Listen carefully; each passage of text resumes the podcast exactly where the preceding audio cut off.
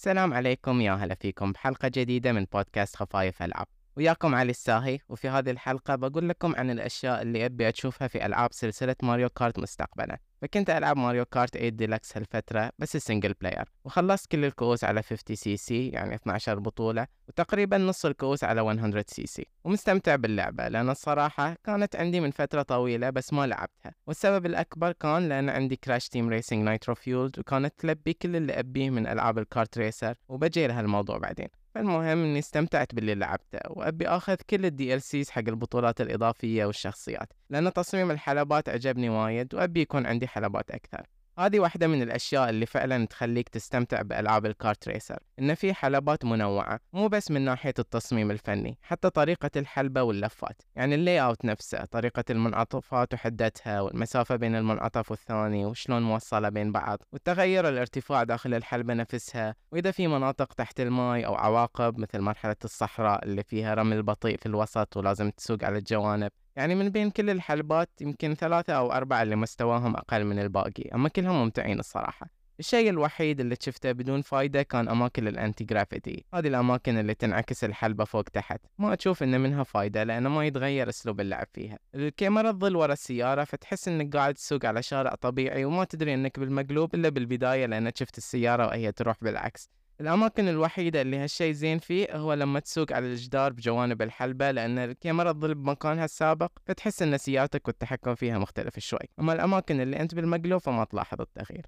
و okay بدخل في الموضوع. هذه الحلقة مو مراجعة للعبة. أبي أتكلم عن النواقص اللي في سلسلة Mario Kart. وهذه مو سلبيات أذكرها لأن مثل ما قلت لكم أني حبيت اللعبة وقاعد أعيد البطولات على المستويات المختلفة وأبي أخذ ال DLCs فإذا كنت كاره اللعبة ليش بتعب روحي بكل هالأشياء؟ هدفي من الحلقة أني أبين شنو اللي تفقده هذه السلسلة وأتمنى أني أشوفه في الجزء اللي بعده لأنه مثل ما قلت ببداية الحلقة بالنسبة لي Crash Team Racing Nitro-Fueled أفضل من Mario Kart في عدة أشياء وللحين متمسك بهالفكرة وأبي أن Mario Kart توصل لهالمستوى وأعرف أن Nintendo قادرين على هالشيء. ببساطة Mario Kart تحتاج تحط السباقات تحت تناسق معين انها تضيف هدف من كل اللي قاعد تسويه وتربط بين كل البطولات والسباقات بمجرى معين له بداية ونهاية. يعني اختصار الكلام Mario Kart تحتاج طور مغامرة. البطولات حلوة ما عليها كلام لكن هذا مو شيء يساوي single player محترم.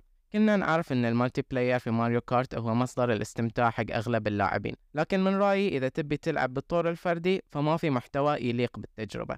وقبل ما تقولون لي إيه أعرف إن CTR أخذت هالفكرة من Diddy Kong Racing وهذا السبب اللي أقول إن Nintendo تقدر تسوي هالشيء لأنها أول من بدأت الفكرة ويا Rare فأبيكم تتخيلون كل الحلبات الموجودة في Mario Kart 8 ديلكس واربطوها ببعض بحيث إن كل بطولة كأس تكون بمنطقة بخريطة مفتوحة تقدر تسوق فيها للسباقات. وتخيلوا محتوى Nintendo بتصميم هذا العالم المفتوح وشلون يقدرون يبدعون فيه. عشان تصير هذه الخريطة اللي توصل بين السباقات بنفسها مكان أنت تحب تسوق فيه. وإذا في حلبات من ألعاب Nintendo الثانية مثل Zelda فتكون المنطقة في Hyrule وتشبه ألعاب السلسلة.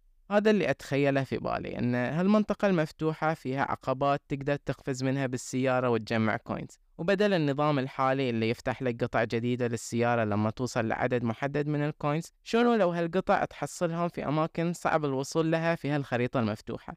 يعني مثلا لازم تسوي drift من نقطة إلى ثانية عشان تحصل boost في السرعة يخليك تقفز المسافة اللي توصلك لكهف سري تحصل داخله قطعة جديدة للسيارة.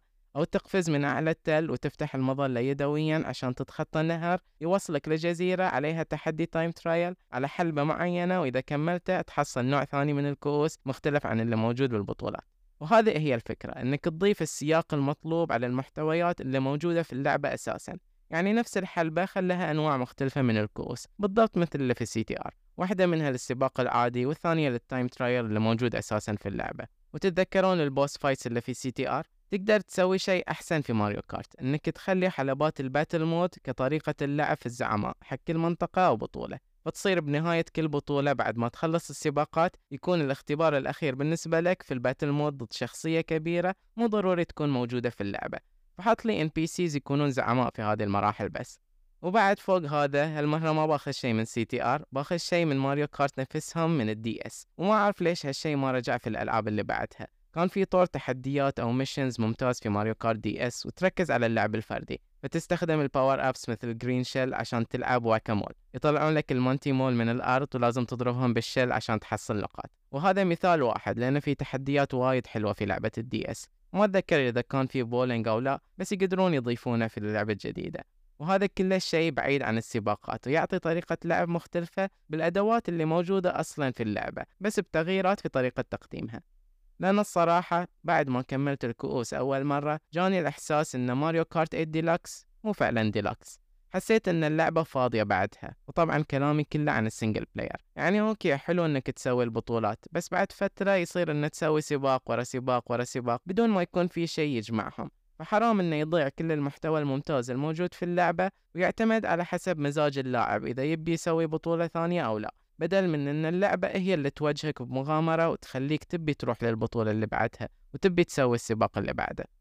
وآخر شيء ناخذه من CTR قبل ما نطلع لما نزل update حق Nitro-Fueled خلوك أنت تختار ال stats حق المركبة اللي تختارها على حسب الشكل اللي يعجب يعني قبل كانت كل شخصية تختلف بال stats في بعضها ثقيل فال top speed أقل والدوران أفضل وفي بعضها ال drift أحسن والسرعة أقل. لكن شالوا هالشي بعد ال update لأن في ناس تبي تلعب شخصية وسيارة معينة تعجبهم تصميمها بس ما يحبون طريقة قيادتها. وفي ماريو كارت 8 طريقة القيادة تعتمد على الشخصية وقطع السيارة فأبي أشوف يستغنون عن هالشي ويعطونك أنت الخيار على حسب نوع الحلبة والبطولة.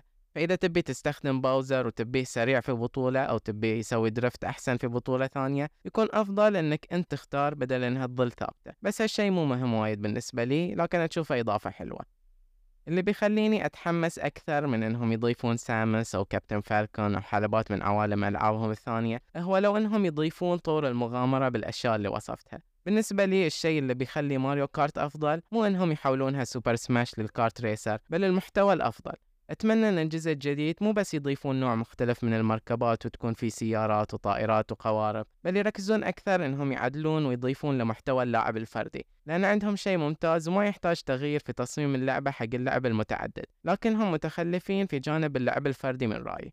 وفي سوق قاعد ينشحن بألعاب ال kart racer مثل ديزني بشخصياتها صار عندهم لعبة ودريم ووركس وبيسوونها حتى نيكولوديان وغارفيلد و The Smurfs وغيرهم كثر اللي بنظام free to play فاللي بيميز ماريو كارت ما أعتقد بيكون الشخصيات فقط. وأما إبداع نينتندو بتصميم العوالم والمغامرات.